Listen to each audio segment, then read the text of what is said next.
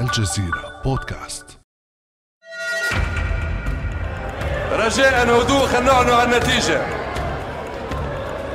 وقبل وقبل ما نعلن عن النتيجة وبعيدا على منطق المغالبة. الديمقراطية هي المنتصرة اليوم. الديمقراطية هي المنتصرة لا غالب ولا مغلوب. عدد الأصوات المصرح بها عدد الأصوات المصرح بها 133 صوتا. عدد الأوراق الملغاة 18 عدد الأوراق البيضاء ورقتين اثنين. عدد الأصوات الموافقين الموافقين على سحب الثقة 97 صوتا. عدد الأصوات الرافضين 16 صوتا.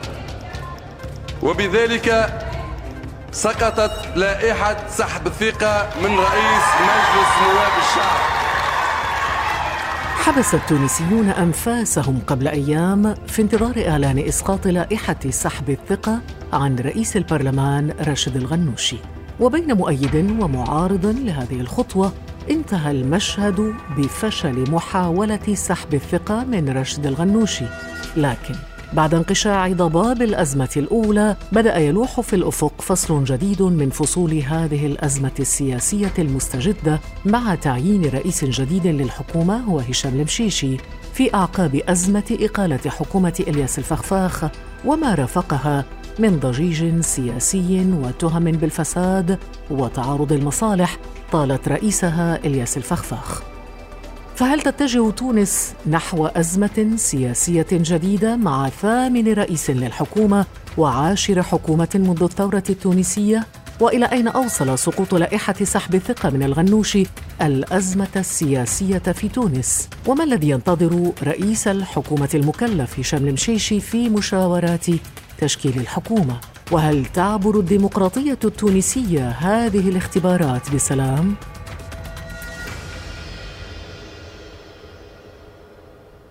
بعد أمس من الجزيرة بودكاست. أنا خديجة بن جنة.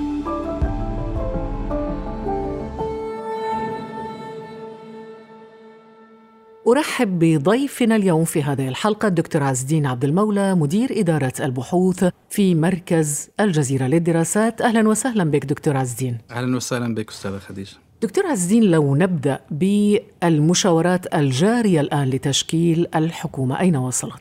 المشاورات انطلقت قبل أيام قليلة من تكليف رئيس الحكومة المكلف هشام المشيشي. ولكن خلينا اولا نتفق أنه آه، هذه الأزمة أو ما يجري من إشكالات من هنا وهناك هي من قبيل آه، إشكالات الديمقراطية. وتونس تعتبر نفسها وتعتبر آه، قد قطعت شوطا مهما في ساحتها وفي محيطها العربي باتجاه إرساء الممارسة الديمقراطية. ومشكلات الديمقراطية ايا كانت تعقيداتها وصعوباتها تختلف اختلافا جذريا عن مشكلات الاستبداد والديكتاتوريه. فمشكلات الديمقراطية في الأخير هي من من صنف آخر ومن طبيعة أخرى. تجد حلها. قبل أيام قليلة حين بلغ التوتر أقصاه ليلة تقديم لائحة سحب الثقة من رئيس البرلمان. كان الجميع وكأنه على أهبة الانقضاض على الجميع. ولكن في الأخير الذي حسم الأمر مسألة بسيطة جدا هو صندوق صغير في قاعة البرلمان تلقى فيه بعض الوريقات حسمت الأمر تماما. فهذه هي مشكلات الديمقراطية التي تختلف جذريا عن مشكلات الديكتاتورية والاستبداد.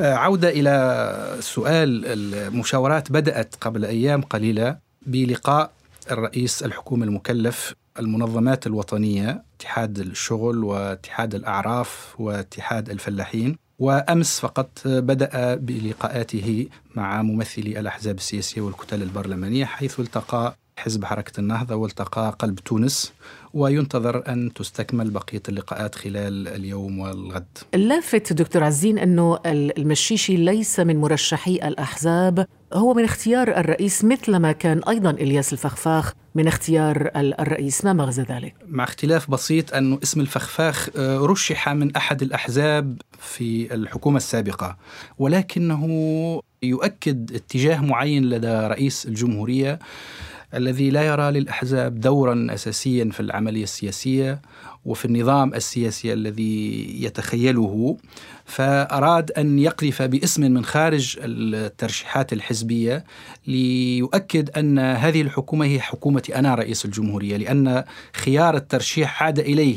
بالمناسبة كان يمكن خيار الترشيح يكون لدى الحزب الأغلبي مثل ما كان في البداية ولكن بالآلية الدستورية يعود الترشيح إذا استقال رئيس الحكومة السابق إلى رئيس الجمهورية. فهذه في تونس الآن تسمى حكومة الرئيس. يعني من صلاحياته الدستورية من صلاحياته الدستورية أن يسمي أن يكلف رئيس الحكومة لتشكيل الحكومة الجديدة طيب لماذا برأيك وقع الاختيار على المشيشي وهو كان وزير الداخلية في الحكومة السابقة؟ هو قبل أن يكون وزير في آه، وزير للداخلية كان مستشارا قانونيا لرئيس الجمهورية بعد ذلك ارتقى إلى آه، وزير في حكومة الفخفاخ. فتربيته بالرئيس علاقة آه، علاقة ثقة. وهنا موضوع الثقة يأخذ مكانه بدل المشاورات الحزبية. بالمناسبة حتى ما يسمى بالمشاورات لم تحصل من الأحزاب أثناء آه، تكليف المشيشي. الرئيس له أسلوب معين في التكليف. مثل ما حدث مع الفخفاخ حدث أيضا مع المشيشي. فبدل أن يجلس مع الأحزاب أو مع ممثليهم للتشاور في الشخصية الأقدر لا هو طلب ترشيحات عبر البريد عبر صندوق يستلم فيه أسماء بعد ذلك يجلس هو ومن معه من المستشارين ليحسموا في الشخص المكلف. دكتور عزدين هل هنا المعيار هو الكفاءة وهو رجل غير سياسي رجل تكنوقراط أم معايير أخرى؟ وأنت قبل قليل قلت إنه كان مقربا من الرئيس هناك إذا معايير ربما القرب والصداقة والثقة وكونه من دائرة الرئيس يعني. هو من حيث الكفاءة الشخصية قد يكون كفءا في مجال معين. هو خريج إدارة هو رجل إدارة واشتغل في الإدارة التونسية واشتغل أيضا في دواوين مجموعة من الوزارات قبل أن يلتحق بالرئاسة كمستشار قانوني وهو خريج قانون بالأساس. ثم آه، بعد ذلك أصبح وزيرا للداخلية. فهو على معرفة جيدة بالإدارة التونسية وكيف تشتغل ولكن موضوع الجدارة والكفاءة لا يتحدد فقط بهذه المعطيات وإنما في وضع سياسي متفجر ومتوتر مثل الذي تعيشه. تونس جزء من الكفاءة يعود إلى قدرته على التعامل مع الأحزاب. التي ستعطيه الثقة في البرلمان وتضع حوله حزاما سياسيا لتمكينه من النجاح في وظائفه اللاحقة. النقطة الثانية في الجدارة تونس الآن مقبلة على أزمة اقتصادية واجتماعية حادة جدا. تونس تعيش وضع صعب اقتصاديا. زادته كورونا تعقيدات أخرى. كثير من المؤسسات أفلست أو في طريق الإفلاس. الموازنة الدولة يعني ينتظر أن تنزل نسبة النمو إلى ما تحت سبعة وربما إلى ما تحت عشرة نقاط آه، في, في الأسابيع والأشهر القادمة. كان ينبغي أن يكون الشخص المكلف أو المرشح آه، ذا خلفية اقتصادية لمواجهة هذه التحديات.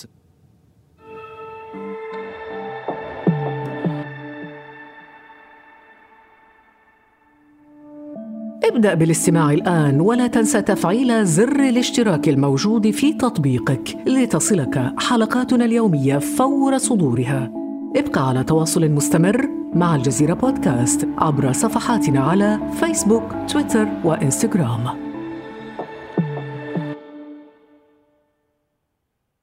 ماذا لو لم ينجح المشيشي في الحصول على ثقة البرلمان؟ ما الذي يحدث في هذه الحالة؟ يمكن أن ينجح المشيشي بشرط أن يستوعب في حكومته مقترحات الأحزاب بشرط أن يكيف برنامجه على ضوء برامج الأحزاب وقد أكد ذلك في على الأقل في تصريحين منذ تكليف آخرها كان كان قبل أمس لدى إحدى زيارات رئيس الجمهورية وكان معه المشيشي إلى صفاقس أكد أن حكومته ستكون حكومة كل التونسيين بخلاف الياس الفخفاخ الذي سبقه وأكد منذ تكليفه أن الحكومة ستكون حكومة الذين رشحوا أو الذين انتخبوا الرئيس قيس سعيد في الدور الثاني. فكان منذ البداية الفخفاخ كانت رؤيته رؤية مضيقة ورفض أن يوسع الحكومة لتشمل مختلف الحساسيات الحزبية. ولكن ولكن المشيشي أظن أن تصريحه هذا موفق جدا أن الحكومة ستكون حكومة كل التونسيين بما يعني استعداده لأن تضم هذه الحكومة إما وزراء من الأحزاب أو على الأقل أن يأخذ بعين الاعتبار مقترحاتهم للشخصيات التي يمكن أن تشكل فريقه الحكومي إضافة إلى الرؤى التي يمكن أن تطرحها الأحزاب عليه في إطار برنامجه الحكومي. هل تمر أم لا تمر؟ هذا يتوقف على آه، نتيجة المشاورات طبعا. يمكن أن تمر لأن الأحزاب آه، في عمومها طب كيف تبدو علاقة المشيشي مع الأحزاب؟ حتى نفهم إن كانت ستمر أم لا تمر. كله مرتبط بعلاقة المشيشي مع آه، الأحزاب السياسية في البرلمان. علاقته ليست سيئة وقد عبرت مختلف الأحزاب عن استعدادها للعمل معه من حيث المبدأ. وحين كان وزيرا للداخلية كانت علاقته جيدة أيضا مع مختلف الأحزاب ومختلف الكتل البرلمانية ولم يكن لديه أي إشكالات. فقط المشاورات هي التي أو الاتجاه الذي ستأخذه المشاورات هو الذي سيحدد ما إذا كانت الأحزاب ستكون معه أم ستكون ضده. ومن طيب سيكون... علاقته مع النهضة؟ كيف تبدو؟ النهضة عبرت عن استعدادها الكامل للعمل معه ولكن أرجأت موقفها إلى حين الاطلاع على برنامجه وعلى طريقة إدارته للمشاورات. نعرف أن حكومة الفخفاخ سقطت من أحد أسباب سقوط العلاقة. نعم من أحد أسباب سقوطها. النهضة كانت تطلب توسيع الحزام الحكومي ما يعني إدخال قلب تونس إلى الحكومة ولكنه رفض إلى آخر لحظة وقال من لا يريد أن يبقى في الحكومة عليه أن يختار موقعه. دكتور عزين أيضا إصرار النهضة على إدخال قلب تونس يطرح تساؤلات يعني أنه هذا قلب تونس كان بينهما كما يقال بينهما ما صنع الحداد. فكيف تربط أو تعيد السياسة تشكيل التحالفات السياسية بين هذه الأطراف؟ قلب تونس بينه وبين النهضة على مستوى الخطاب السياسي مسافة واسعة جدا مثل ما بينه وبين بقية الأحزاب مسافة واسعة لأن قلب تونس وتحديدا رئيسه نبيل القروي كان ينظر إليه على أساس أنه شخصية متهربة ضريبيا ومتورطة في بعض قضايا الفساد يدير قناة تلفزيونية يستخدمها لصالح حزبه السياسي يدير أيضا مؤسسة خيرية ويستعمل ريعها لصالح حزب حزبه السياسي. يعني في قضايا كثيرة. رغم ذلك حدث التقارب رغم كل هذه العيوب التي ذكرتها حدث تقارب مع النهضة. نعم حصل تقارب مع النهضة.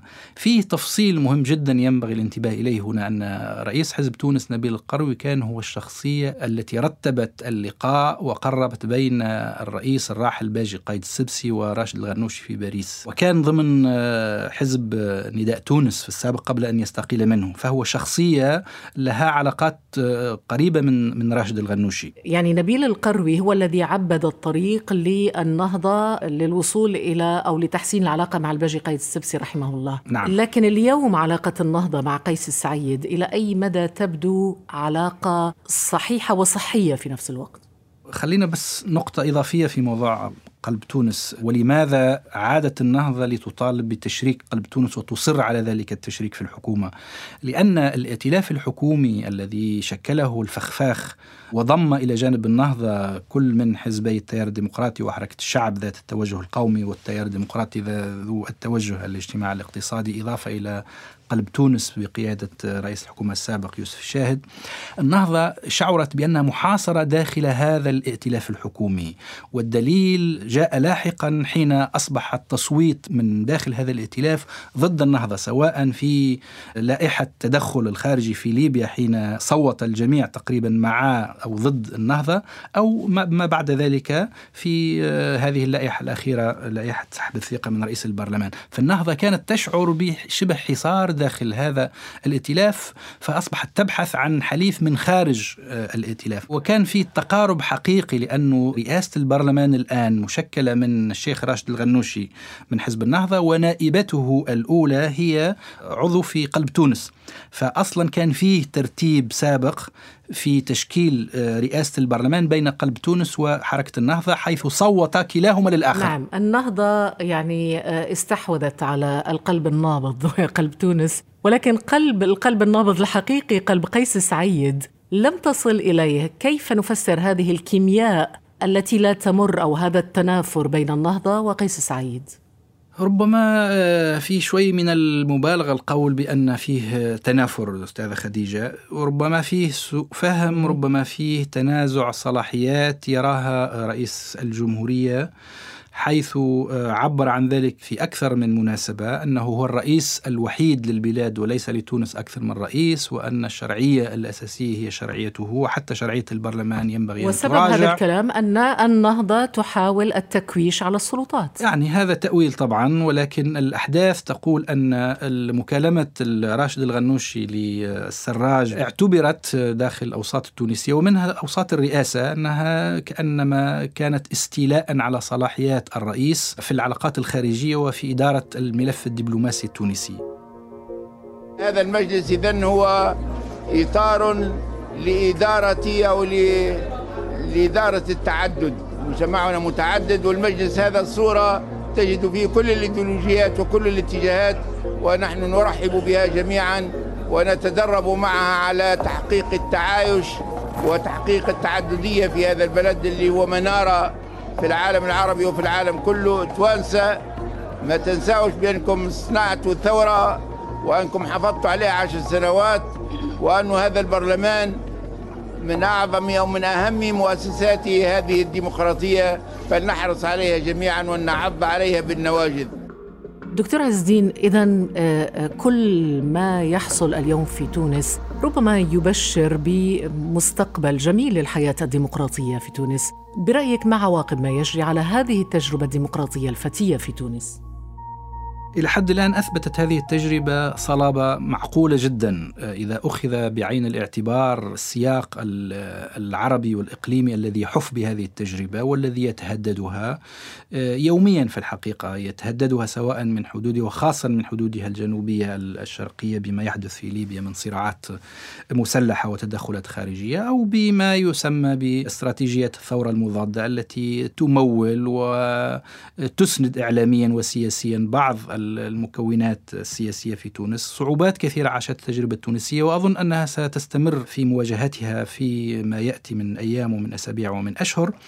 آه، ولكن مستقبل هذه التجربة إلى على الأقل في المنظور القريب محكوم إلى حد بعيد بالقانون الانتخابي الذي أفرز هذا البرلمان الذي سقطت على يديه حكومة وربما تسقط الحكومة القادمة. لا ندري بالضبط مصيرها ولكن الوضع سيظل هشا لأن القانون الانتخابي أفرز تشكيلة برلمانية متشظية مشتتة لا يمكن أن تفرز حكما مستقرا مستمرا. طالما لم يتم تغيير هذا القانون ليفرز أغلبية حقيقية بإمكانها أن تنفذ مشروعها السياسي فإن هذه التجربة ستستمر على الأقل من داخلها مهددة بالهشاشة ومهددة بالتغيير المستمر ما يعني عدم الاستقرار ما يعني الغرق في هذه الإشكالات الدستورية والقانونية وعدم المرور إلى التحدي الحقيقي الذي ينتظر تونس وهو التحدي الاقتصادي والاجتماعي. آه لكن في الأخير دكتور عزين هل تعتقد أن تونس وتجربتها الديمقراطية تمتلك بالفعل مقومات الصمود في ظل كل هذه الأزمات الاقتصادية والاجتماعية التي تعصف بالبلاد. هي تمتلك مقومات الصمود ولكن في ظل تحديات ستستمر معها. مقومات الصمود جزء منها ما تعلمه التونسيون خلال ما يقرب من عشر سنوات الآن من الثورة من التعايش ودار دستور مهم وبرلمان يشتغل وحكومات متعاقبة وقناعة بضرورة تداول التداول على السلطة إلى غير ذلك ثم ضبط كل الخلافات تحت سقف هذا الدستور الدستور وبآليات ديمقراطية ودستورية ولكن الصعوبات التي يمكن أن تهدد هذه التجربة أولا صعوبات اقتصادية واجتماعية وهذا سيكون تحدي حقيقي ثم الصعوبات الخارجية والإقليمية. طالما لا لم تكف القوى التي تعارض الديمقراطية في هذه المنطقة عن التدخل في شؤون تونس وشؤون كل التجارب التي تتجه في هذا الاتجاه فإن التجربة التونسية ستظل حقيقة مهددة. ونرجو أن تستمر في هذه الصلابة التي اكتسبتها على مدى السنوات الماضية في أن يصبح النموذج التونسي هو النموذج المعمم وليس النموذج الفاشل كما نراه في بعض الدول الأخرى ونريد أن بعض القوى تريد تعميم نماذج الفشل. أرجو أن يتم تعميم نموذج النجاح. نعم وهو نموذج يبشر بالخير في تونس وفي المنطقة العربية. شكرا جزيلا لك دكتور عزين عبد المولى. شكرا جزيلا على هذه الاستضافة. كان هذا بعد أمس.